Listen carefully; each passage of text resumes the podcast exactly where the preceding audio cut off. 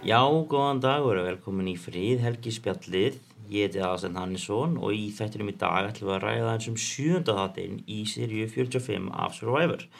Og hingaði mættur, góðvinur þáttarins, Gummi Gumminsson, verður velkomin. Yes, yes, yes, takk fyrir það, takk fyrir bóðið. Mjög spenntur að vera komin aftur. Já, gaman að fá þig aftur. Já, takk fyrir það. Þú sendið mér, mitt, þú sendið mér skilabóð þegar ég var bara í, var, var að horfa að það bara í miðið þáttarins. Ég bara var einmitt að hugsa bara, það var mjög gaman að tala um þennan þátt, þannig að takk fyrir gott bóð. Já, bara minnst að málið. Þetta var saga þáttur. Þetta var svaka þáttur, um, mjög góð þáttur og líka bara gaman að sjá veist, að kynast fólkinni betur, það var ekki raunverulega mikið að gerast þannig að segja þættinum nema bara mikið að samtölum sem var mjög skemmtilegt og nokkri karakter sem er ekkert búin að fá að, að, sjá alveg minna, þetta er Kelly, það var mikið að henni í þættinum Já, það var svolítið svona uh, smá coming out episode fyrir þú veist eins og Kelly og Jake og svona fólk sem er búið að vera kannski svona lurking in the shadows og núna svona, já, núna er leikurinn að byrja, núna ætla ég að fara að gera eitthvað. Algjörlega, algjörlega. En mér fannst þarna, veist við getum vel ekki tala um þennan þátt án þess að tala aðeins um senast þátt líka. Yes. því að þess, uh, þáttunum byrja náttúrulega bara morgunin eftir senasta træból þar sem að Kale er bara kosin út uh, einróma nema hann bjargaði sér með The Shot in the Dark það er svolítið svakrætt að koma að koma aftur á ströndina. Vitið það að það kusiði allir út senast Já, og líka bara Caleb er þannig gaur að hann, hann er er ekkit bitur. Hann er bara hlæri yfir þessu sem er bara skemmtilegt og hann veit þetta á eftir að vera gott TV moment. Já. hann er að hugsa um það, þetta er bara Kelly Wentworth 2.0 Já, einmitt, og líka bara, þú veist, hann getur ekki gert hann annað en að hlæja yfir sig, þú veist, hvernig hann að tala við, það, það er kusan allir út. Já, einmitt. Það hefði samt verið skemmtilegt að sjá uh, samtal, samtal millir hans og Emily hvað Emily hafði verið að segja. Ég held að þau eru svo close og hún alltaf hann þannig að það verið gamla að heyra hvað Emily, pælingun hennar Emily en, en alltaf bara ekki tími fyrir það. Nei, ég held líka bara að, sérst, gallin við þetta, þetta senista træból var bara svo það að það voru bara sex mann sem gæti verið kosið, Emily var eina af þeim. Uh, og ég held að þarna hefði bara, veist, eins og við sáum ekki, við sáum ekki Kelly eða Jake eða rauninni Dee koma sterk fram í senastætti af því þau voru all saman í hættu. Já, og það er ekki fyrir að hættan er af staðin í þessum þetta sem að þessi leikmenn fara svona aðeins að aðeins að kýla, kýla á þetta sko.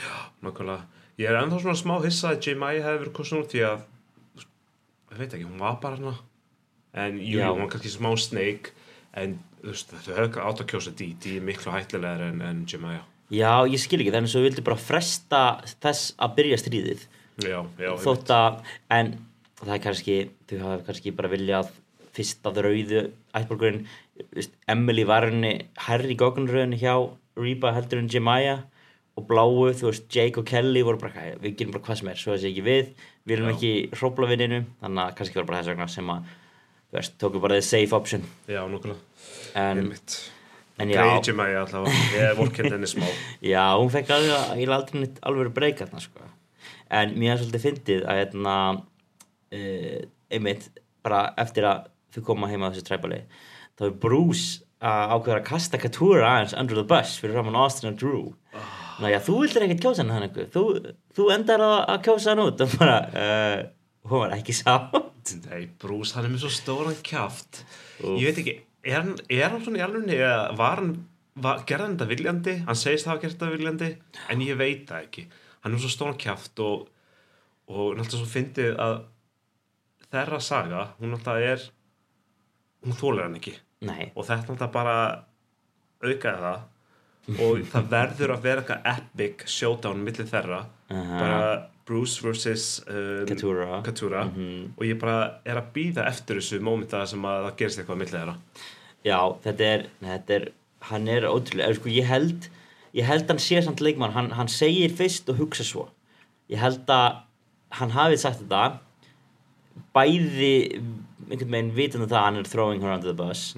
En líka bara því að hann bara missið þetta út úr sér. Og bara pældi ekki í, sig í því hvort það væri góð hugmynd eða ekki. Já, og þú veist það er annað að segja þetta fyrir þú veist, hann getur mér sem sagt þetta við and Drew og fengið sko, ekkert af etna, eftirkvæstunum en að segja það fyrir, við þá fyrir framann hann að það er svolítið það er svolítið illa að sé sko. Það, ekki, það, án, það myndast þannig smá rígur bara í Bello Kendra tekur eftir þessu og hún hugsa bara, veist, hva, hvað er Bruce að gera þú veist, hann er bara algjörðu wildcard hérna fyrir okkur og við erum að sjá svona dysfunctional Bello og Rýpa pínu, minnst þið bæði bæ, bæðar þessar factions eða svona þessi gömlu ættbólkar eru báður svona mjög sundraðir í rauninni. Já, sérslega, sérslega hana Bello Þetta Já. er, það er eitthvað að gera sinni á Bello og hana, sem er svolítið áhugavert því að þau ættur raunverulega að vera saman og ættur raunverulega að vera að berjast að fá Emily og Caleb með sillið Mhm. en þau eru bara ekki að gera það Nei, það er líka, þú veist, það er eins og Bello sé tvístrað bara í tvær fylkingar eða þrjár fylkingar Mhm. á meðan að Reba, þau eru bara svona að kannibalæsa sjálfa sig bara svona með einhverju svona core alliance. Já, einmitt, einmitt. Þú veist, mér finnst bara, mér finnst insane hvað þeir eru tilbúin að lúffa mikið af numbers Reba, bara í rauninni bara til þess að þurfi ekki að styggja Bello sem er, þú veist, ótrúlega dysfunctional og getur örglega ekki snúið vörn í sók sko, ef, að, þau myndi targeta þig. Já, ég er með mjög góðan punkt um þetta. Kannski sem við getum rætt um Mhm. seinna sem kemur fram seinna í þættinum. En já, ég er mjög sammála, ég veit ekki alveg hvað fólki er að hugsa hana, sérslega að rýpa að, að, að já, einmitt. En Rí- já, Rýpa er samt í rauninni bara annars þið bara búin að ætla Emily. Hún er bara orðin honorary Rýpa meðlimur þarna með Við sjáum líka þarna, að Austin er núna komið með fullgilt idol þannig að fyrir áhörundur heima þá þurfa þær ekki að pæla lengur í öllu þessum flóknu hlutum nú eru bara tvö idol ekkert vesen, já ok fyrir ekki, ég glemdi Amil þarna hálsmennið eða, eða arbandið dæmið sem, er sem það. Kelly og Austin eru með, já. Það, það hlýtur að það hlýtur að koma við sögum kemur fram tíðinu En sko. býtu, býtu, ok, Austin er með Idol og hann er líka með þetta Amulet. Já, ok, ok, ég var með þetta að pæla í þessu hvað var mörg Idol í leiknum. Já. En það sem ég fíla við þetta Idol sem er með að hann þurft að gera ákveðna þrauti til að, að þetta myndi virka. Þannig að það er ekki bara að finna Idol það virka strax sem það er skemmtilegt og gott að hans að breyta til. Og svo eins og þið voru að nefna þú og, Sofía síðast þetta hann brús allt í henni bara fann Idol það virkaði strax. Já, þannig að framleitur er svolítið upp og niður með þetta. Já, ég held sko ef ég ætta að gefa þeim the benefit of the doubt þá myndi ég segja að þetta er örgulega að því að þetta er í rauninni idol nummer tvö sem fannst á Lulu. Sist, þetta er í rauninni að sömu ströndinu á þessu bæja fann sitt idol og fór heim með það. Þannig að þetta er, þú veist, setna idolið hjá Lulu.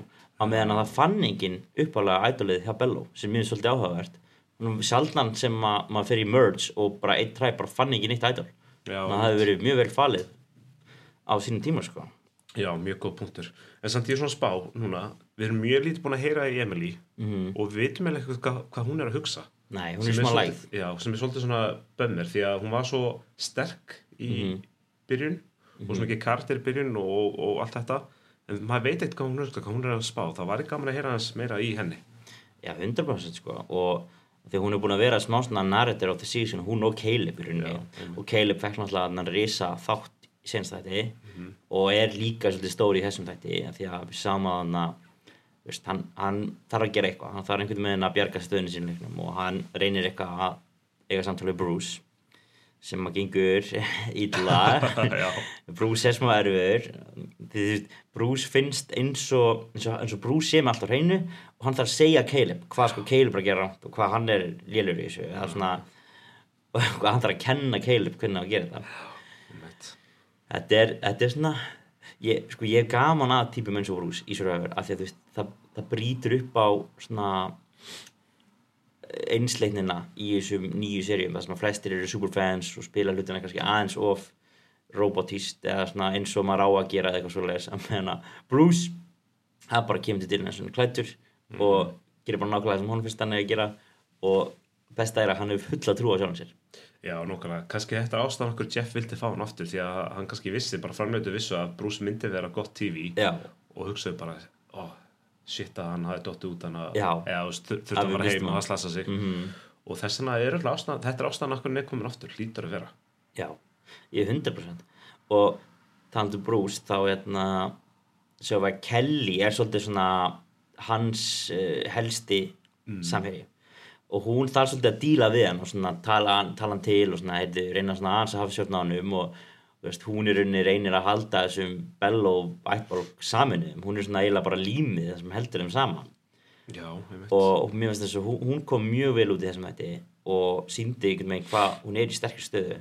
Það minnir mig pínu og ekki það, sko, ég myndi segja Bruce sem er meira hérna, upside og meiri möguleika að vinna en það myndi mig pínu á svona dýnamíkina eins og Boston Rob og Philip í þeirri séri svona, það er svona eitt skrautlegur sem fyrir sína einleiðir Já, og hinn er svona, herri, höldum, höldum öllum góðum við ætlum öll að vinna saman þú kemur með mér.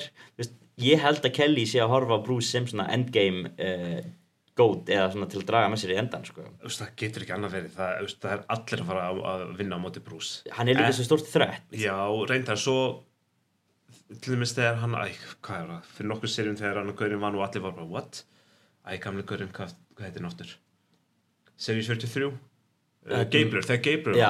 það voru allir bara, já, tökum Gablur to the end, það er ein, Já. það er allir að fara að vinna mótunum Mhm. svo bara veit maður ekki en, en ég er mjög spenntur að sjá hvað það er að gera svo Kelly Kelly virðist að vera bara mjög svona to the ground og, og veit alveg hvað hann er að gera og gaman að sjá svona loksins hennar sjónum því að hún var, veist, maður fekk ekkert að vita um hana fyrstu, fyrstu þættina Nei, ég raunin ekki. Það var svo lítið til að segja um Bello. Þeir fórum alltaf ekki, þú veist, mikið að þeim, hérna, uh, fórum alltaf bara í fyrsta trebulsið í senstætti. já, reyndar, reyndar, mjög góð punktur Þannig að, en, en, en já, gaman að sjá hana svona koma inn með krafti og, Mhm. og sína hvað í henni býr. Og við sjáum hana einmitt líka í þessi Immunity Challenge. mm -hmm, uh, þetta er klassísk keppni Mhm. þetta er sem ég kýs að kalla svona the poverty challenge eða tie and Aussie challenge eða þú veist þetta er ekkert megin þetta er svona einn af þessum þrautum það sem að þú sér þrautina og þú næstu bara um leið getur bara svona giska á hverjir eru að að vinna hana já, bara út frá líkansbyggingu og öðru sko. já, ég ég sá meme online, það er svona expectations and reality. Expectations er parvært í það sem hún stendur bara á súlinni já, og er með bara eina löppina bara hérna á milli og er bara að chilla svo reality þá Kelly alveg bara að- að- alveg að, að renna niður. Það er frekar gott mín þannig að hugsa sér hvernig gat Parvati gert það? já hún, er náttúrulega bara hún er bara já, hún er náttúrulega bara ríkalega mössuð og í góðu förmældi ég. Held hún hef alltaf verið bara svona jóka típan og þú veist bara með next level bara svona þól hún var, hún talaði einhvern tímann um það í einhverju kefni, það var ekki þessari það var einhverju svona, hún var að halda hendinu sinni uppi. Mhm. Hún fó bara með einhverju svona möndur einhverju svona hugleyslu dæmi og bara tjúnaði algjörlega út og bara fannum við alla fyrir þessu skilur sem er ótrúlegt sko, að fólk geti gert það Já, gott sér svo alltaf klassiska mýmið eða ég reyndar ekki mým klips online þegar Andrea dettur Andrea, þegar hún Já. dettur bara svaka langt niður og liggur við bara sársökin Oh.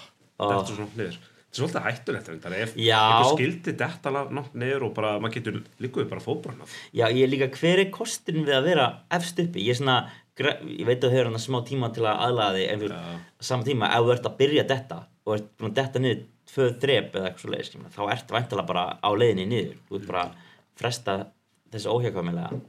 Þannig að ég kom mér óvart að voru ekki fleiri bara á neðstu súlinu og bara býðandi þar, sko. já, mitt, mitt Líka, þarna, ég, það var, var svo sem ekkert hérna beint sérstaklega aðtíkluna því hérna í kemni en mér var svolítið fyndið að Jake er alltaf eitthvað eins og segist þetta Jake einhver, hann virð það meitt sig einhverju neti eða eitthvað svoleiðis á fótunum fætinu sínum Já. og svo núna þarna þá um eitt þurfti hann að detta niður og svona afpínu hæð og ég hugsa bara þessi maður hann bara lurkum lamin sko.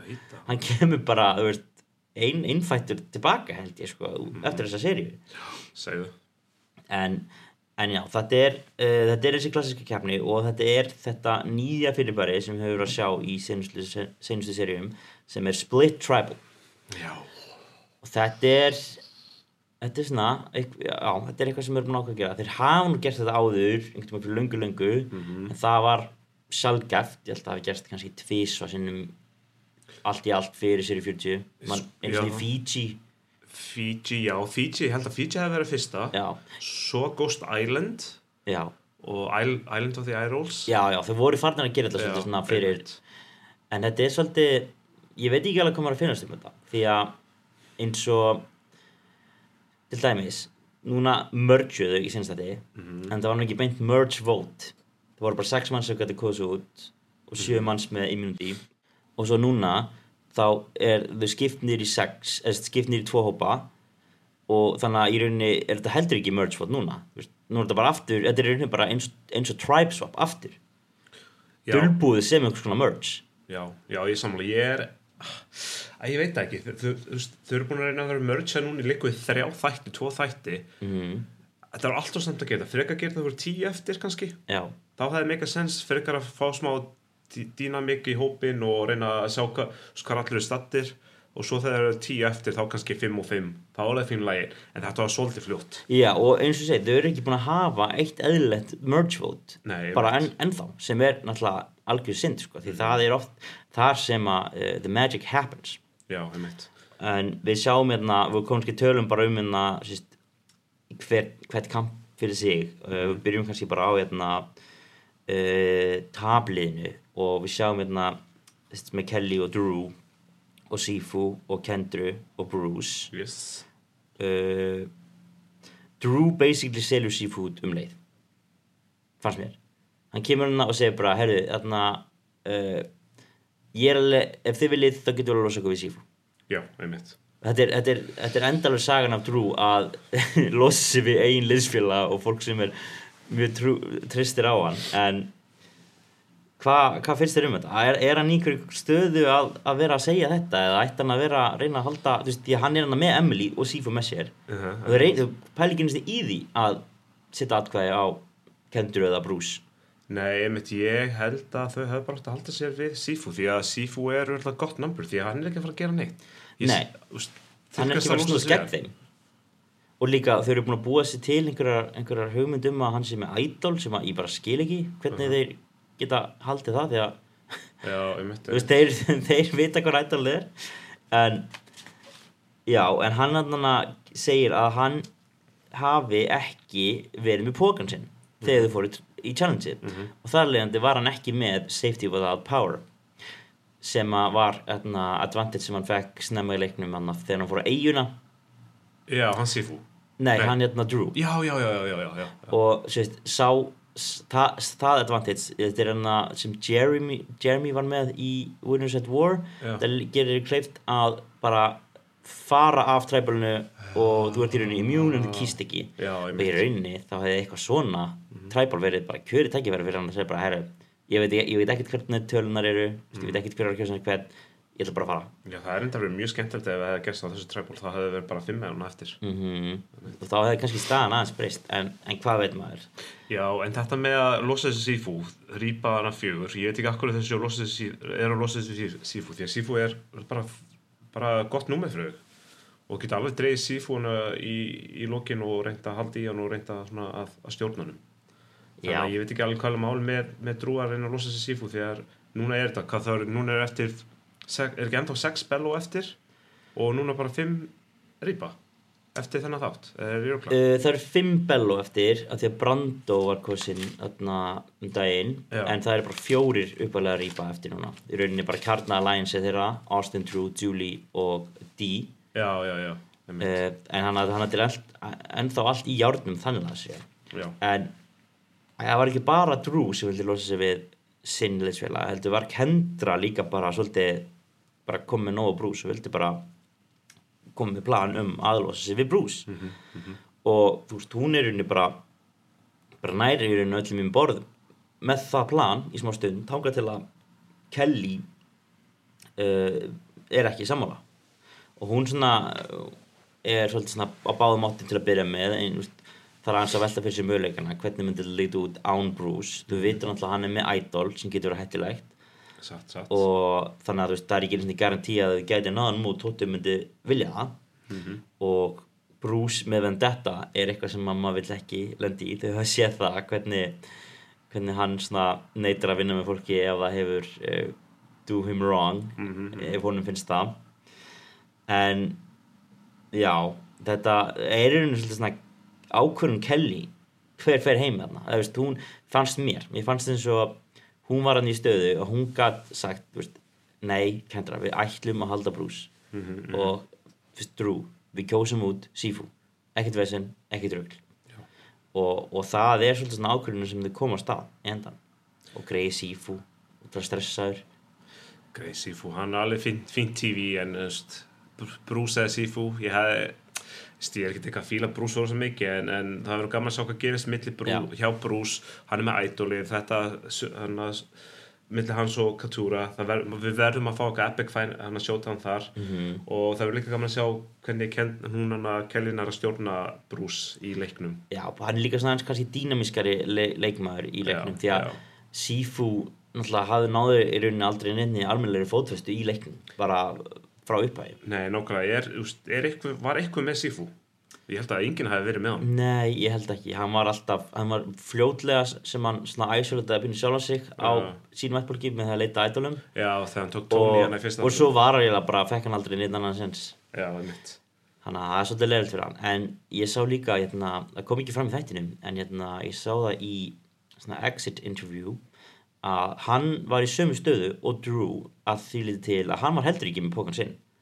Þannig að hann var með Shot in the Dark sem hann alltaf hefði alveg getað notað uh -huh. og svo var hann með Fake Idol sem hann hefði mögulega að geta gert einhver shenanigans með. True. Sérstaklega, þú veist, fyrst að þau voru bara það, það hljómaði eins og allir trúði að hann var í metal þannig að hefði hann getið sagt bara veist, sínt Drew eða eitthvað og sagt bara hey, I'm playing my idol tonight. Veist, það hefði allt farið í háaloft Hefði ekki það bara losið við Bruce Jú, er en það, mitt, hva, hver veit sko. Hva, kannski hefði hann notað idol þú veist, það hefði allt Já, nákvæmlega. Kannski hefði Sifu samt farið heima öndanum ef að Bruce hefði notað idol sitt og kjósið Sifu út. Já, mögulega.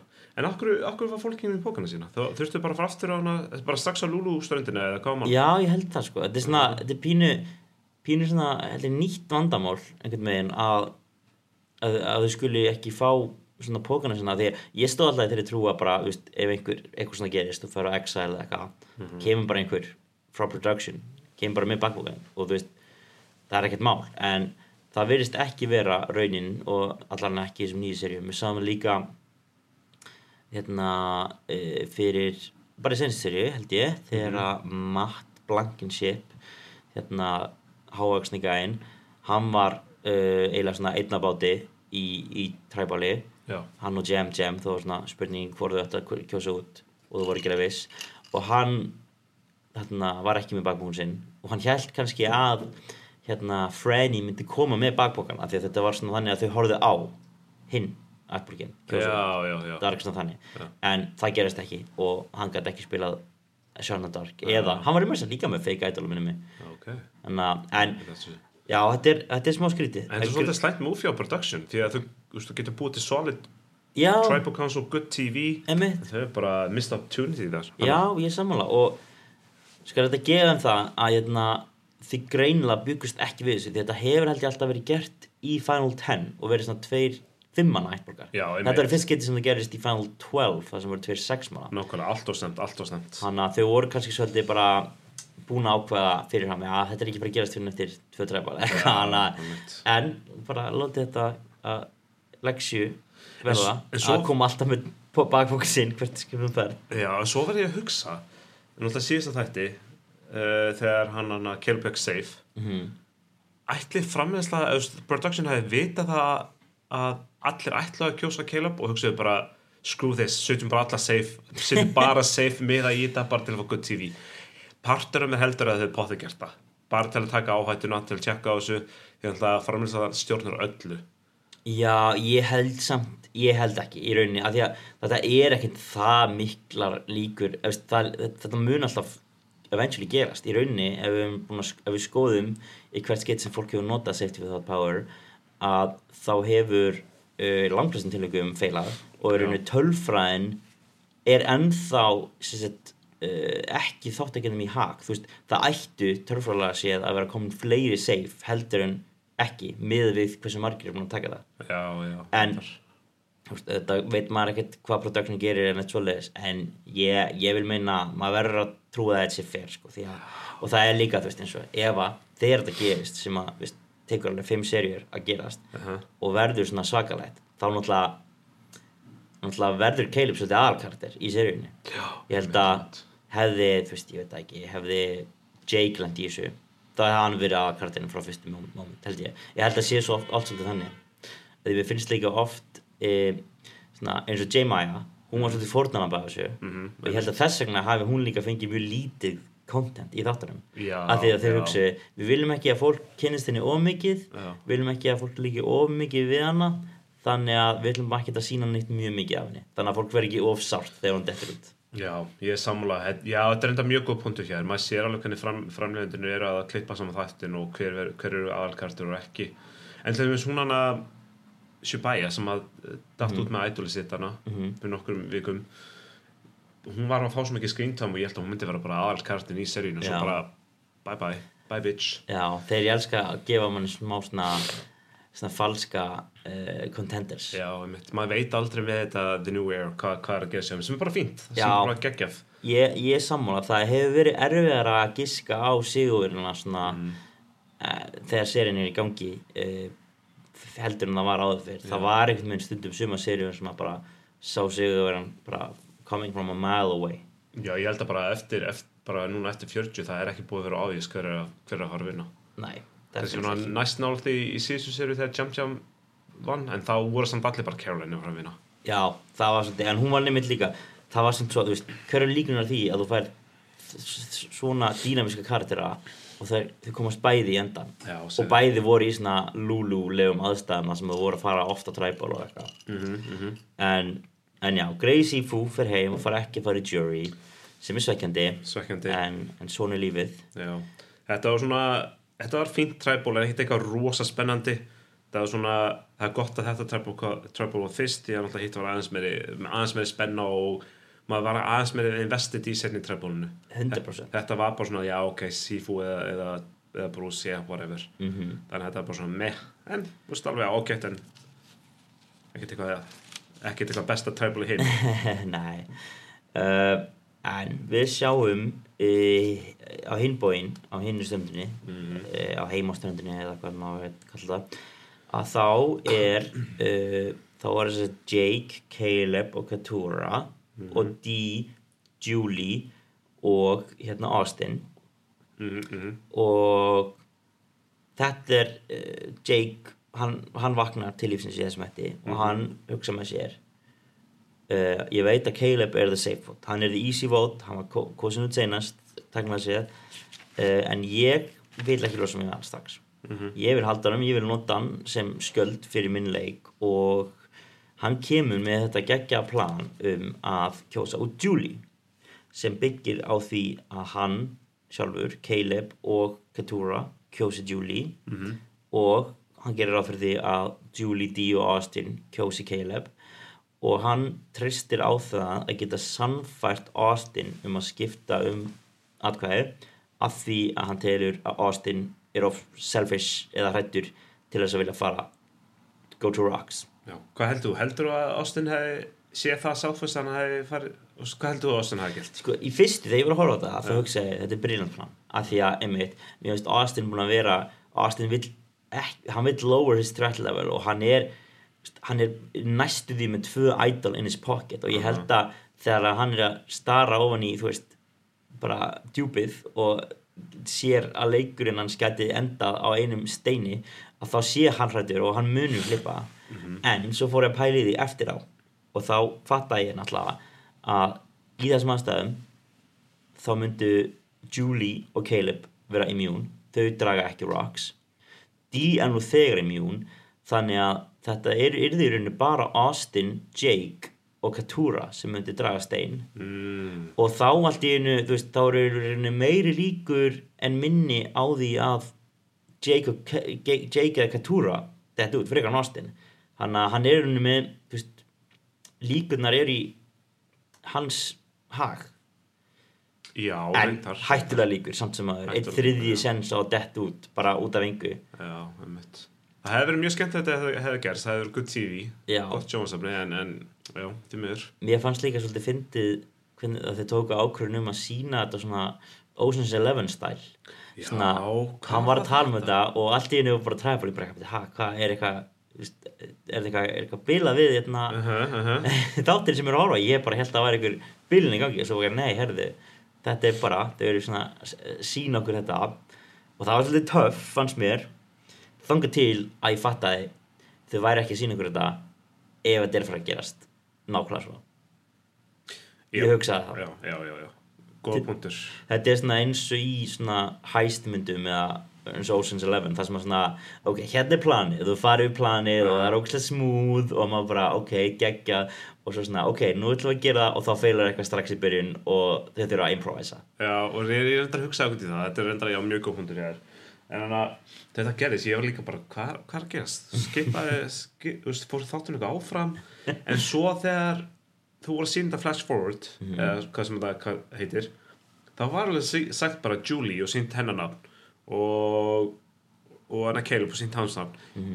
Er einhver búinn að kjósa Julie á, var það actually frá þessu tribal eða var það bara eitthvað svona random bits, Ég held að-? Ég held að hafi verið í rauninni frá træbálunni sem gerðist setna af því að náttúrulega bæði Caleb og Jake enda að skrifa niður nafnið hennar Julie. Já. þeir hafa bara sínt það. En þetta var mjög hérna, bold decision fannst mér að gera þetta. Já, ég, ég fílaði alveg ef þau ætla að taka svona uh, svona random editing decisions að, að þau leikið sér svolítið með formúluna því að þú veist það er líka alveg það má ekki vera of stale og maður má ekki vera of þurft en á samtíma þú veist, eiginlega að því þau síndi þetta að hugsaði með mér það er þetta ekki vera að gerast nákvæmlega eins og ég myndi já, já, já. En- þú veist, það hefði líka gert, veist, það hefði fullt annað geta farið úr skeiðis þannig að að það var ekkert beint að spoila að þetta myndi ekki gerast, Mhm. heldur bara kannski að þetta myndi ekki nákvæmlega gerast svona já, einmitt, einmitt en hérna, bold move hjá Jake að vera tilbúin í að basically fara draw rocks fyrir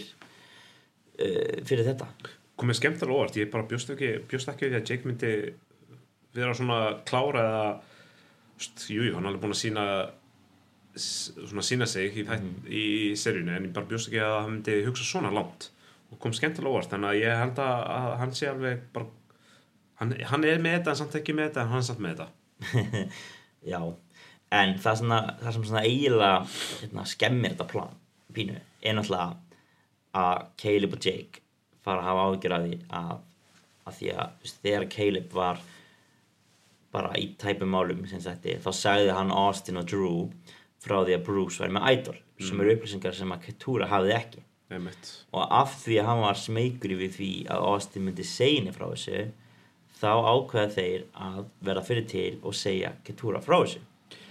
Yes. og ekki bara að Bruce hafi verið með idol heldur í rauninni segja þeir henni frá því að þau hafi öll verið að fela idolið frá henni þannig að hún allt í henni frétti það að hún er á botninum í The Bellow Tribe.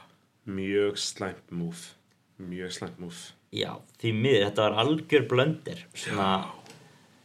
fyrir eitthvað sem hefði geta verið svaklega múf að þá einhvern veginn klúður þessu alveg og veist, ég hef á tilfinninguna að Austin var ekki svona pæli, Austin hefur örugglega bara haldið á vissi hann þegar og hefði, var ekkert að vera að tala við hann sko. Bara held það líka og líka bara það ef Austin hefði sagt henni frá þessu, þeir tveir hefur öll að geta bara eitthvað, nei, þú veist, Austin er bara að hvað, þú veist, hvað er gangi, hann er bara eitthvað að reyna að með- bjarga sinni eigin rast, verðum okkur, við erum ekkert að ljúga þér, Nei, en þannig að þetta var mjög, þetta var ekki gott múf hjá þeim og þeir bókstallega bara mistu aðkvæði þarna.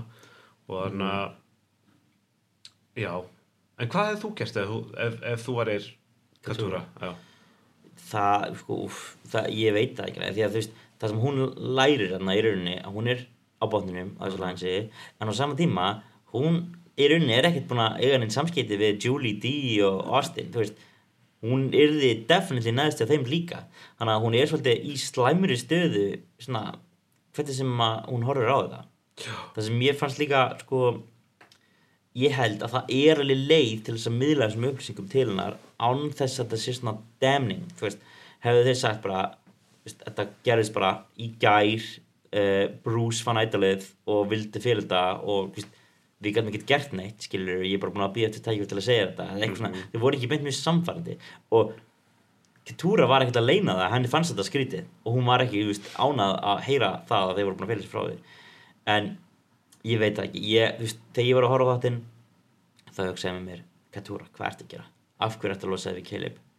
Mhm. uh, en kannski er það bara sniðut en ég verða ég, ég get ekki ímynda mér að það sé sniðut að svíkja ættborgin þótt að það var sneðust losaði við free agent sem er búin að vera að vinna með þér þú veist, kannski ekki mjög mikið en eitthvað til þess að stökkva með öðru træpi sem að hefur aldrei talað við ég bara frekar the devil you know than the devil you don't sko. þannig ég held að Já. hafi gert the wrong move En svo reyndar kannski vil hún ekkert uh, fara að go to rocks. Nei, það er, það er þetta pæling. það er kannski pæling hún bara, að ég treysti Östengæl og ég ætla ekki að taka, taka Nei, saman það er mjög stórt ask fyrir hana að taka eitt þriðja líkur að fara heim bara því að Jake er vissum Austin muni flippa. Það er þetta alveg rétt þegar þegar þú segir það þú veist, það er það auðvitað pínur þú vilt aldrei go to rocks þú vilt aldrei að leikurinn endi út af hefni Já, nokkulega, sérslega akkur átt hún að vilja fara til go to rocks þegar hennar liðsmenn eru búin að sykja hana.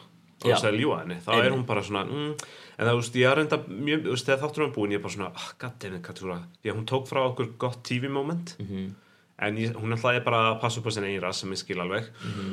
en ah, þetta hefði verið svo gott TV Já, en svona er þetta bara. en ég fór að spá sem sagt líka eitt, þú veist, ég veit ekki hvernig þeir hefðu geta þú veist, hvort það var einhver önnur leið að komast út úr þessu træpar lifandi fyrir Caleb og Jake en eitt af því sem ég hugsaði var að hvað ef þeir myndi einhvern veginn ná að samfæra uh, Reba Ætborgin Austin, hérna, Julie og Dee um að segja bara, hei okkur líkar ekki við Katúra uh, viljum við ekki bara kjósa hann út. Mm þá gætur, ef þau ná að koma targetinu yfir hana, þá getur annarkvort bara verið með í því að losa sig við hana. Mhm.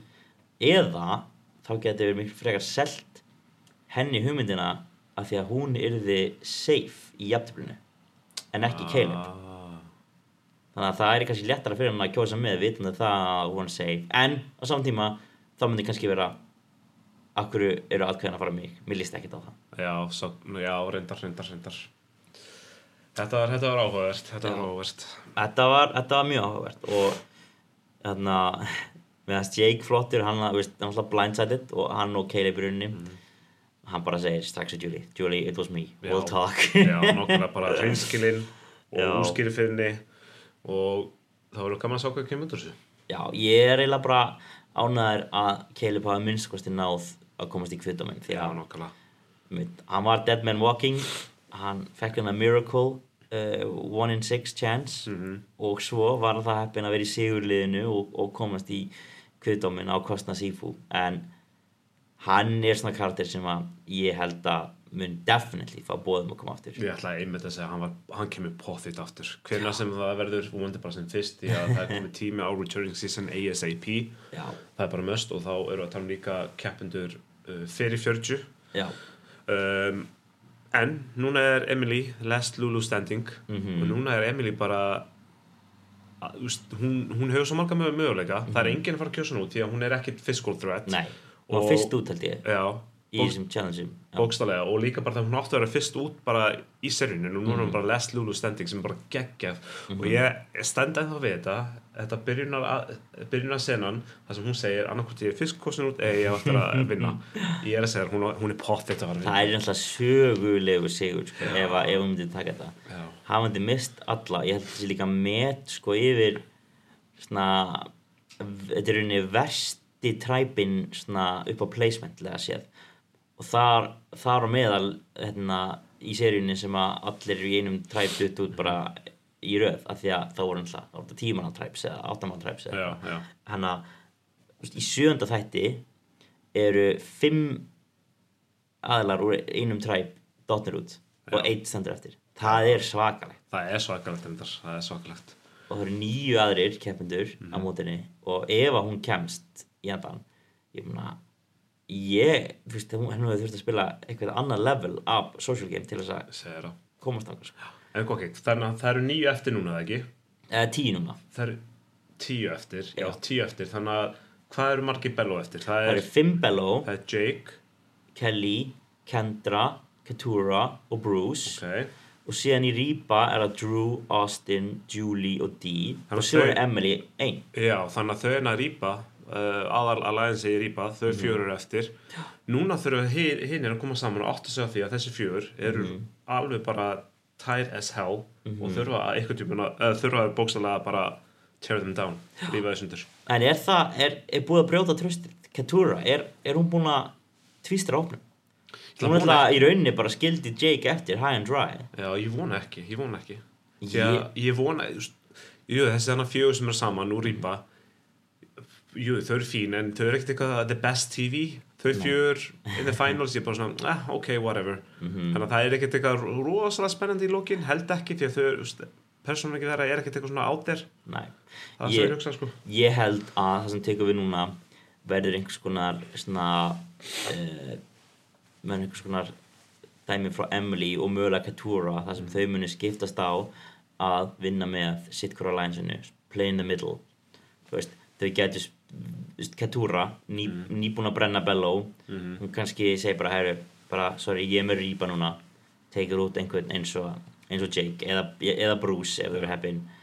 Uh, og síðan kannski myndið hugsa hm, við erum náttúrulega ekki að fara að penetrata þetta mjög sterka fjaramanna alliance þannig að kannski þurfum við aftur að fara yfir til Bello og kjósa út rýpa. Og ef þau ná að spila þau er í svona the, þarna, the swing positions Já. og ef þau ná að spila þeirri stöðu út leikinn Já. þá náttúrulega er þið í mjög góðum málum Já, vonandi verður þetta þannig. Það er ekkert gaman eða bara, ef þetta er bara svona takedown og Nei. bara þau fjör og kjós og allir bara þetta út. Þetta er svo þarna Kakajan, eða Tony var að fara hæru og vinstri, bara flippa hæru og vinstri Já, og svo skemmtilegt að maður veit aldrei hver út, hver fyrir út og maður veit ekkert hver maður á vona. Nei, nákvæmlega. Og svo líka náttúrulega, núna held ég náttúrulega bara í vonuna að öll þessi twist sem að við erum búin að sjá er í rauninni bara að fá að taka sér smá kvíld núna. Við erum búin að taka þetta skrítna merge vote og svo núna split tribal. Og vonandi geta það bara átt nokkur umferðir án þess að það sé eitthvað svona skríti gameplay element sem er að trubla og við getum bara fengið smá alvöru survivor. Bara nokkur þetta er auðvitað, takk og fyrir mig. tvo, þrjá þættir eða það sem að það er bara survivor og ekkert svona twist og ekkert eitthvað þannig að, æ, hvað heitir Dare, Do, do, do or die. Do or Die og Það- það er ekki bara búið, það Það, er jú, bara ég held að, ég held að þeir hafi, ég held að mér sé bara framlendurinn hafi bara, já, veistu, þetta var ekki góð mynd. Nei.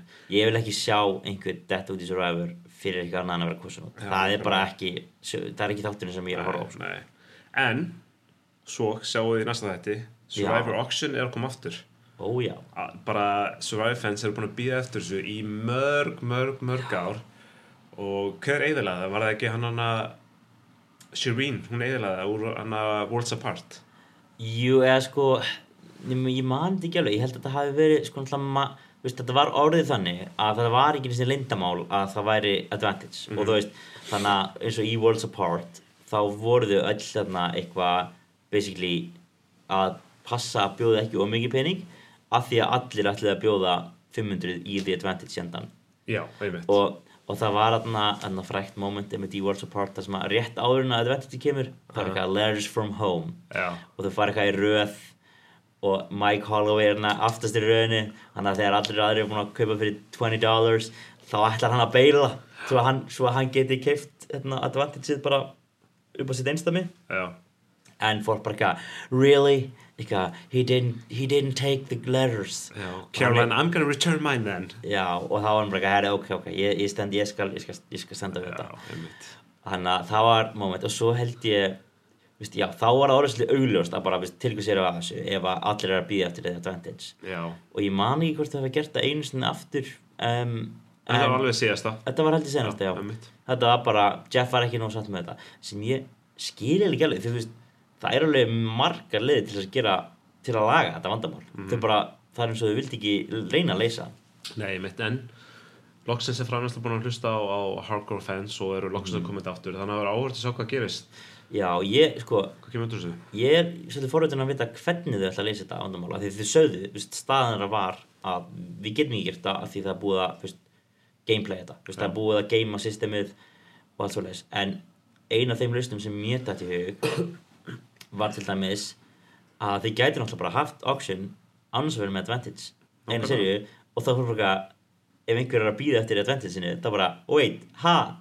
Er þetta búið, af því að hann segir náttúrulega alltaf the auction can end at any moment. Þannig að það væri svolítið gaman að sjá serju það sem að einhverju svangir, þú veist, nú, nú er ég að horfa til Austin, veist, hann er ennþá eftir þessari samlóku sem hann mista sko.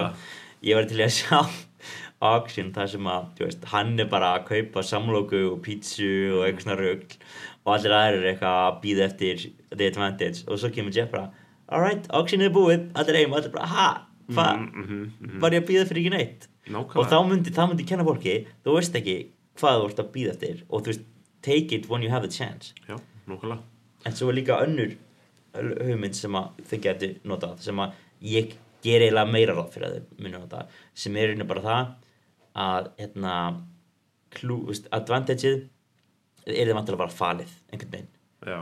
Þau fá kannski eitthvað uh, ég veit það ekki einhverja, einhverja bara einhverja, einhverja pítsu og, og, og eitt pepperoni er advantage. Já, það Liggur- miklu við, skiljur við maður hefur séð það þarna var ekki einhvern tímann í einmitt seríun hans Boston Rob þar sem að þau fóru einhvers svona fóru einhvers þar og fengu eitthvað mm, eitthvað svona sargæti eða eitthvað. Og það voru svona kanilstangir eða eitthvað, eitthvað svona stangir. Jú, jú, jú, og eina af stöngunum var bara svona upprúllað blað Já, já. með klú. Já, og hann hendi því í eldfjallið af því að hann þurfti ekki að það halda.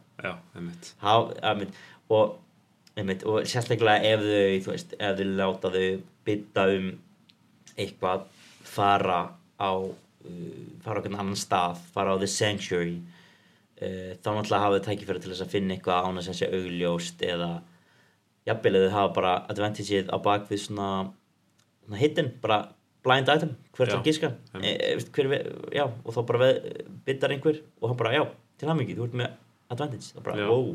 Nákvæmlega. En reyndar ef, ef þetta er svona blind item þá fara allir. Veist, það, það er allir til næsta blind item.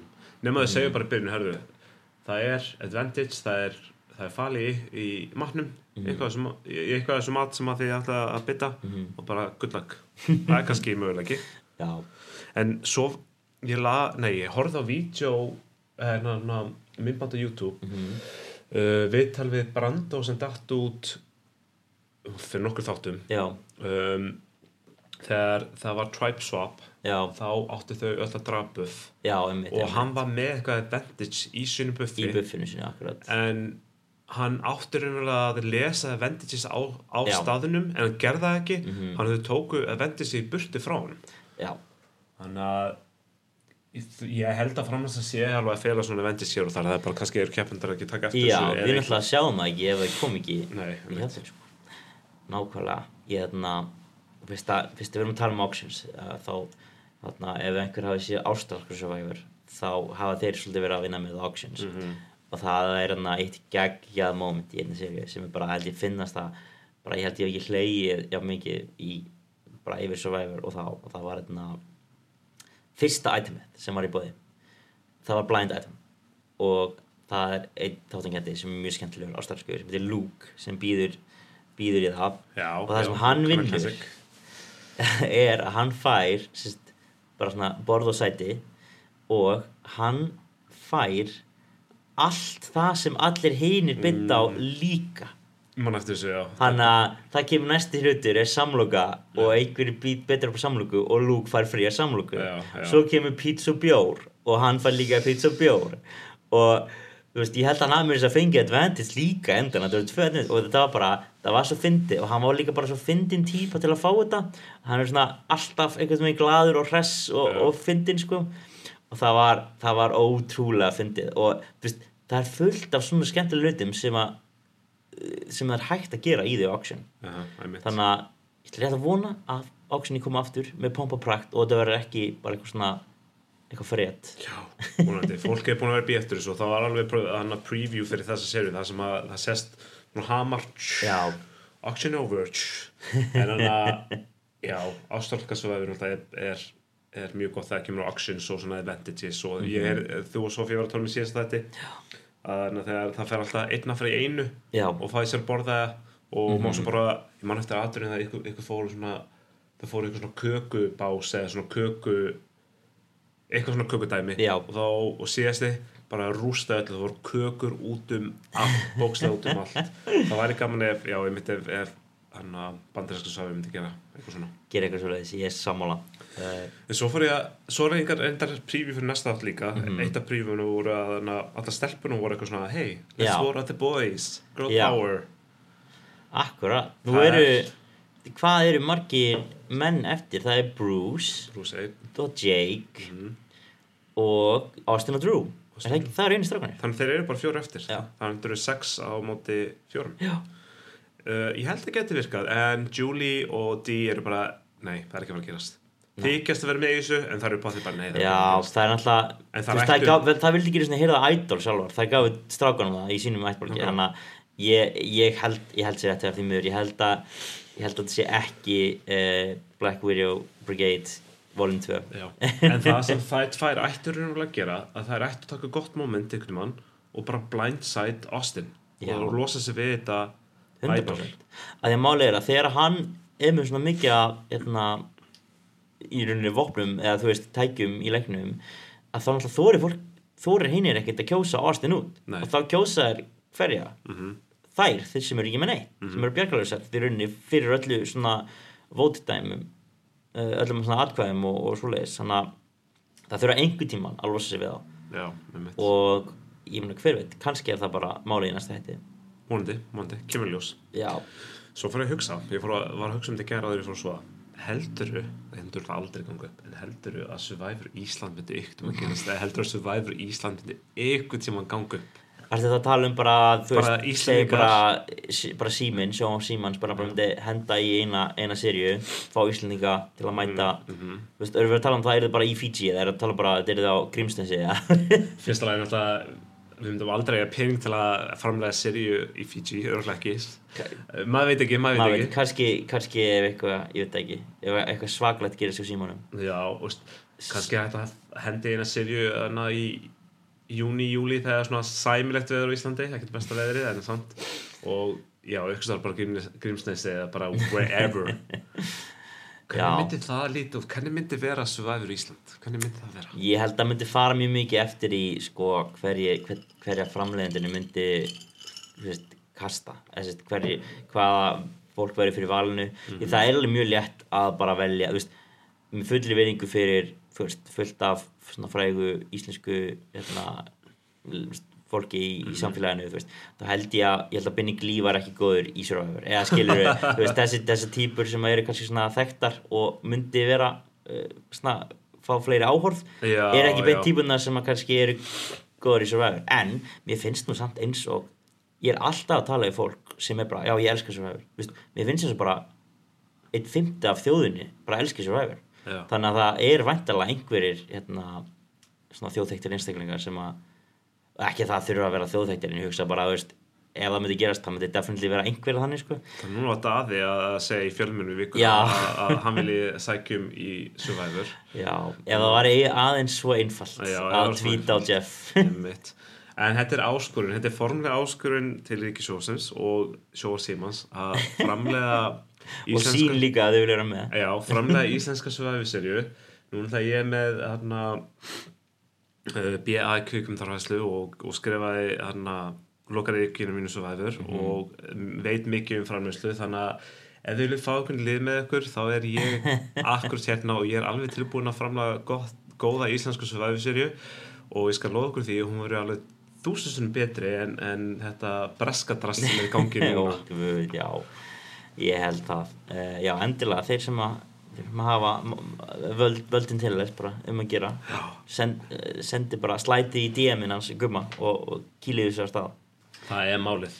En aðeins, má ég aðeins fá að tala um breska Já, endilega. Ég veit að þú ert bara búin að horfa á fyrsta þáttinn Já. Er ekki, já er Ég, þetta ekki svona nokkuð, nokkuð með spoiler free eða svona ef maður ákveður að uh, jú, jú, ég er ekki að fara að segja hver að fara þetta út eða eins og akkurat. Ég get ekki og sagt, ég man ekki þetta eftir, eftir þessu fólki hvað Eh. hva, hva finnst þér um þetta? Sko, núna þarf ég að skoða punktanum hérna að kannski í blæðinu þegar ég er að flata bókinni hérna, bókinni Sko, þetta er alveg áhugaverst og, og gaman að sjá að þau að þessi að fara að framlega breskasöfur aftur það góða er að, að kynnin, hann er mjög skemmtilegur hann er mjög Ok. hress, kátur og virðist að vera eitthvað svona frægur fjölumilum að er úti í mm. Englandi hann var einmitt svona gestadóman í hann að dragreis núna bara í vikunni Já, ok, ok. og hann bara mjög að hann er smá kátur. reynslubolti í raunveruleika eða bara þjóma síðan Já, ég held að hann er leikari og eitthvað svona jara jara Já, en hann er alltaf mjög hress og kátur og hann er að reynsið besta Mhm. allavega þegar hann er að, að ne- narrata keppnir og svo leis mhm. Tribal er ekkert eitthvað sá besti skilur en hann, Nei. er að reyna, hann er að reyna. Um, framlæstan er ekki drosalega góð. Nei, mér fannst það einmitt, það skar svolítið bara í augun á manni þegar ég horfði á fyrsta þáttinn að ég bara beti hvað mér fannst þetta bara svo lélega bara Já. ítla gert. Já, gæðin eru ekki góð og líka bara svona heildarmyndin er ekki góð og líka bara svona litli smáluti til þess að þau fara að kjósa þá eru þau bara með eitthvað pappirsblað. Já, bara svo Og þá er- krumpast. Já, sem krumpast bara og það er erfitt fyrir hann að halda upp aðkvæðin og sína bara þetta er nafnið. Já. þegar bara blaðið bara krumpað. Sem bara, veitu hvað, veistu, gætu ekki keita almennilega pap, almennilega pappir, bara pergament eða eitthvað skilur ég bara er bara, er þetta ekki að hugsa út í þetta, þetta er bara svona litli hluti sem þau ekki að spá í. Og svo líka um, eru raunverulega, þessi two tribes á sömu strönd nema það er bara eitthvað svona smá skæi á milli þeirra. Þannig að þau getur bara raunverulega að labba á milli sem er ekkert eitthvað rosalega spennandi. Um, keppendurnir það eru, það eru fjó, fjóra gelruna sem eru ljósarar með jafnsýtt hár og ég veit ekki hvori hver er hvað. Fjóri kallmenn sem eru svona breskir herramenn, hávaksnir, dökkarðir og ég er bara svona who is who? Já, og það er ekki svona karakter eða persónuleika sem svona standa upp úr. Næ, og þetta er bara svona uh, og líka svo bara þegar hann er að hann er að hann að hann nerreitar, hann er bara sögumæður yfir, já, yfir líka sem er að skildið það er gerast. bara einu svona náttúrlífstættir það sem að hann einhvern veginn var að segja núna eru, núna er ættbálkurinn uh, að ströggla við að búa til skíli við sjáum hvað gerist uh, þegar það byrjar að rigna? Og bara, ha, betur já, einmitt svona show don't tell, sko. Nákvæmlega og svo einu þætti er hann að úskera hvað hann að uh, hittin er mjúti ættulir ok, maður er bara svona ah, kannski orða þetta, hans betur félagi. Ég skilði og svo bara hugsa hvað er, eru framleiðendunir í breska svoðæður eru þeir huge survivor fans? Ég held ekki. Nei, ég held að er bara einhver framleiðendur hér og það er bara hei, við ætlum að framleiða breska survivor horfa eina serju af, bandariska og það eru með þetta á hreinu. Já, þetta er svona, þetta er ekki beint svona a labor of love eða svona veist,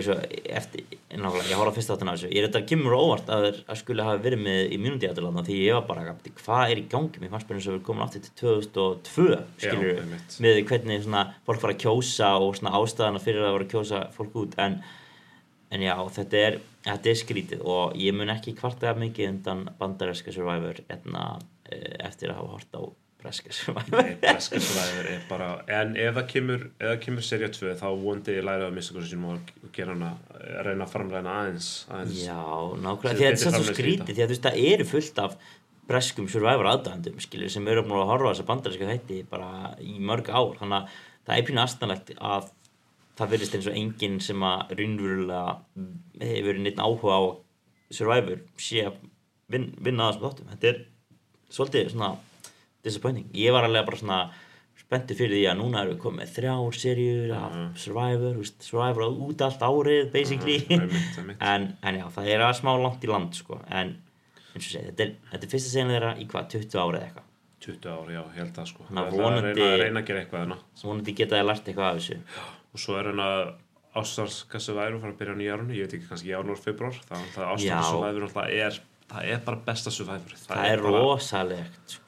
og þrý þættir í viku, manni, manni leðist aldrei. Nei, það er stundum þannig að maður bara, oh my god, þeir, veist, maður hefur bara alltaf tíma til að horfa á það því að það eru svo margir sem komið innu en, en nei, þeir eru mjög góður og mér minnir, er, ég, sko, ertu með á reynu, er ekki komið eitthvað svona þema? Jú, herru, ég, ég Það mitt postaði sjálfur í Survivor Ísland hópin um daginn fyrir nokkur veikum það er eitthvað svona Er ekki eitthvað svona Titans jú, eitthvað versus Titans eitthvað? versus content eitthvað svona bla bla bla Já, þeir elska það, þeir eru svona þeir eru nú þegar með svona þrjá serjur sem er basically hérna, Brawn. Champions vs. Contenders. Brawn vs. Brains svo eitthvað svona- Champion versus Contenders 2 Já. en er ekki aðeins að hugsa út fyrir kassan Já, þetta er, þetta hérna Titans vs. Rebels já, ok, hvað hver, er skilgringin á Titans Sko, með það að það eru alltaf svona tíu manns í hverju seríu sem eru fyrir með atvinnumenn í ástralskum fótbolta þá er þetta örugglega bara einhverja fótboltastjörnur Já, og já. svona típur sko, þeir elska að senda atvinnu íþróttafólk í keppna og það er líka hérna, eitthvað sér svolítið ástæðan fyrir að núna eru keppnunar í ástralska. Það er alltaf miklu meira svona fiskl heldur en í bandarinska Já, og satt. ég held að ástæðan fyrir því að það virkar er einmitt að því að þeir eru með mjög mikið að bara pro athletes og ef við snúum sér aftur yfir í hérna Survivor UK veist, þetta er ekki spoiler þannig að sé en í fyrsta þættinum, þættinum sem ég horfði á. Þá var fyrsta keppnin, í myndikeppnin uh, mjög fysikal hún var mjög fysikál, Og- skemmtileg var reynda, það var reynda mjög skemmtilegt við breska ég, Survivor að keppninar eru alveg ágætlega fínar. Ok, en sko það er mér fannst það sko einhvern veginn því að þetta var mjög fysikal fyrsta keppni en þau voru ekki með, þú veist, tíu atvinnu íþróttamenn í breska. Þannig að ég hugsaði bara, uh, þetta er ekki sama fólk og getur höndlað þetta í Survivor og í Breitlandi Mhm. þannig veist, þannig að það var bara einhver, veist einhverjar húsmæður og bara einhverju tölvunöndar skilur og þú veist, þau voru, eitthvað- við voru bara eng, enga veginn að ráða við þetta skilur. Nei. en já, maður kannski gefur þessi aðeins meira sens breska, þú, þú ert þetta ennþá að horfa. Ég er að horfa, það er komin í þrýra fjór þættir, ég er búin að sjá þrjá þætti, ég er að horfa á þetta með öðru auganu, já, öðru auganu og ég og félagið mér út í Edinborg við erum að horfa á þetta, hann er að horfa á þetta, ég er að horfa á þetta, við erum að spjalla um þetta og erum bara svona að spjalla að horfa og þetta er svona fínt með öðru auganu þegar ég hef ekkert annað að gera. nei En ég ætla að halda áfram að horfa sérna því ég ætla að ég er hardcore survivor fan, ég ætla ekki að gefast upp, Já. ég bjóti breytandi líka í ár. tengingu Þannig ég er með tenginguna og ég er ennþá bitur að, að, að ég hef ekki verið valin í þáttinn með við alla þessar dólkeppendur sem eru í, í þættinum. Ég tel mig ekki þannig að bara come on, come on. Já, En svo líka um, í ástralska survivor, jú, þau eru alltaf að velja ykkur svona atvinnu fótbollmenn, atvinnu rugbymenn og svona kjæftæði. mhm, En svo til og með sjáum við besta keppandan í ástralska survivor, George, sem er bara scrawny, lítill maður og er bara búinn að rústa tveim serjumina. Þannig Já. að það styrst ekki alltaf George. að vera physical. nei, það er rétt það er rétt þetta er, það, við sko, við erum spoiled hérna, Survivor aðdæðandur Mm. með allar þessar seríur og það er kannski bara ekkert svo það er kannski bara luxusvandamála hvernig því að ein af þrem uh, ennskumældi Survivor seríum er ekki er ekki, alveg að gera sig Já, já, segðu, segðu. En já, það kannski bara, ertu með einhverja fleira punkta sem að við kannski mistum á hérna í, í uppröðuninni eða? Nei, ekkert, ég held ég sem að nefna allt sem að ég vil þarna, bara það voru gaman að sá hvað gerir sér næsta þetta, vonandi verður þetta bara svona út um allt og, og hérna alltaf bara, þessi seria er geggjuð Já. og þetta er bara er mjög sammála. refreshing uh, í þessu New Era Survivor, bara mér finnst þetta New Era algjörð kjafta og mér finnst svona hægt og þau eru hægt og rólega fyrir aftur í bara Survivor eins og það var Mhm. áður fyrr og vonandi gera það og vonandi, fyrir að, vonandi verður hana returning season bráðum Mm -hmm. þess að gamle keppnir kom aftur ekki bara keppnir 40 plus uh, en jú, þessi seria er bara er málið, loksins ég svona misti áhugaðan síðustu serju og þar síðustu serju Mhm. þótt alveg hundlega að missa áhugaðan en ég var bara, þegar þættin alltaf sindir á 50 dögum út, Mhm. úti eða ekki Já, 50 miðvikudögum, okkur. já, já og ég horfði alltaf á það bara strax daginn eftir en þá komi þú veist að koma að þann stað sem ég var bara að horfa á líka á sunnudegi þegar einmitt. en núna er ég loksins, það besta sem ég get gert það besta, besta sem ég geri er að kaupa mig góða mat, take away, fer heim kækja á Survivor og er bara svona yes, svo ég loksins komin á þann stað aftur Það er geggja. Hver er svona, þú veist, við veitum, sagðir Emily, var, þér finnst hún líklaust sigurveri, er það ennþá staðan? Hver er svona top 3? Hver myndi segja að spila bestu leikina, akkur núna, top 3 kannski? bestu leikinu og top 3 það er svolítið, að segja, Kelly Já, Kelly, hún er hún er núna, ég er sammála. hún er greinilega að standa sér mjög vel uh, Kelly Austin er alveg að standa sér vel þótt ég fíl, þótt ég, veist, hann er alveg fín en ég er ekkert eitthvað svona að missa mig yfir hann Nei, hann er líka með, þú veist, hann er með nóg mikið af fóskutum til þess að koma sér gegnum alveg 2-3 ránd svona ef hann spilar þessu rétt. Já, ykkurlega. Emily, uh, hún er uppáldið með þóttu við veitum ekkert hvað er að gerst hjá henni því að við erum ekki búin að heyra, heyra almennilega í henni Nei. en ég held hún eftir að koma smá comeback soon, vonandi. Mm -hmm. Uh, Minnst ég mjög skemmtilegur. Mhm. Katúra er alveg skemmtileg, það var gaman að sjá gerst með hennar brús en ég held að svona top contentið núna er Kelly. Já, ég, ég er eiginlega saman ég, ég er mjög ánægð með að ég spáði henni sér í fyrir sérina. Hann að ég, ég var mjög stressaður fyrstu þáttina sem að hún var frekar ósynilega en já, ég myndi ef ég ætti að giska núna, þá myndi ég giska á einmitt Kelly uh, Emily, einmitt, hún er með gott plott og þú veist, hún lít, þú veist það er enginn að drífa sér að taka mynd, held ég. Nei, nákvæmlega. þannig að hún er all definitíð að endast eitthvað hvort sem hún verður í þessu svona sorglega fjórðasæti eða, eða hvort hún komist endan hver veit. Uh, og svo kannski held ég vildi að segja líka Dee hún er svolítið svona uh, í sterkri stöðum og líka bara hún, það kemur ekki óvart ef hún myndi vinna svona þrjú í þessi viðbútt En hún er, þú veist, alveg bara hún verðist vera bara atvinni íþróttum að þannig að sé hún er fín, hún er svolítið bitur. já, hún er smá Hún, sagði hún er smá, hún er smá, smá villin núna senast í tveið áttum bara að þú vildir ekki vinna með það, ég ætla að kjósa það út svona, kannu orða þetta var bara var mjög bitur. Já, hún eða Austin held ég sé í sterkustu stöðinni af etna, The Rebus. Mm -hmm, um, Já, já, þetta er bara mjög skemmtileg seri og ég er bara mjög spenntur að fylgjast með okkar þannig að já, og ég ætla að senda annað sjátátt sína síðust, síðust nætti fikk ég að senda sjátátt núna er það Sóley Reynis og hérna, hún er líka huge survivor átöndi og hún er mjög aktiv í grúpunni, grúpunni. Og við fórum að spjalla uh, um daginn og fórum mjög mikið að spjalla um survivor og hún er jafn mikil survivor lúð og ég. Já, þannig að þetta er svona sjátátt og þú ætti er svona, þú ætti eiginlega að bjóða henni að vera gestur, ég held að hún hafi mjög mikið aðtöfasendum og, og, og hún viðst að vera mjög hress og kátt og, já, og svoleiðis, þannig að bara- svona, ég ætti að íta á sólið að vera gestur þér. Já, um að gera sko, ég einhvern veginn, það voru hérna eins og uppalega þegar ég postaði hérna eftir fyrst áttinn að, að veist að var alveg til að fá fleiri í þáttunni, það voru einhverju sem tögguð einhverja aðra. En ég vildi, veist, mér finnst eins og að ég vildi ekki vera veist, ég veit ekki hvort það sé grín eða eitthvað svona, hann að þú varst einu eini sem kom þetta er sjálfur, að ég, ég er til. Hann að ég bara, herri, þú kemur. Hann að, en eins og segi, við erum bara alltaf til í að fá nýja gesti og koma með hérna, einhver hot takes og eitthvað svo skemmtilegt. Þannig að um að gera bara eða þú veist að þú vilt koma þáttinn þá bara, it's an open invitation. Nákvæmlega, og ég, ég var mjög til að koma þess að ég, þú og, og, og og Sofía Já, Sofía svo verðist náttúrulega- bara mjög hress og Já, kátt og við þurfum ekki að vera bundir við bara tveir einstaklega Nei, nákvæmlega það er rétt sko. Það getur verið bara getur verið bara mikið stemming að vera þrýr eða, eða fjórir, eða hva, hvað veit maður. En bara hvað sem er, hörru, við bara hlökkum til. Næstu áttum, finnum, gerum eitthvað skemmtilegt. Algjörlega. Ég held ég að við segjum það bara gott í billi og uh, já, þakka fyrir hlustununa og uh, sjáumst að viku liðinni.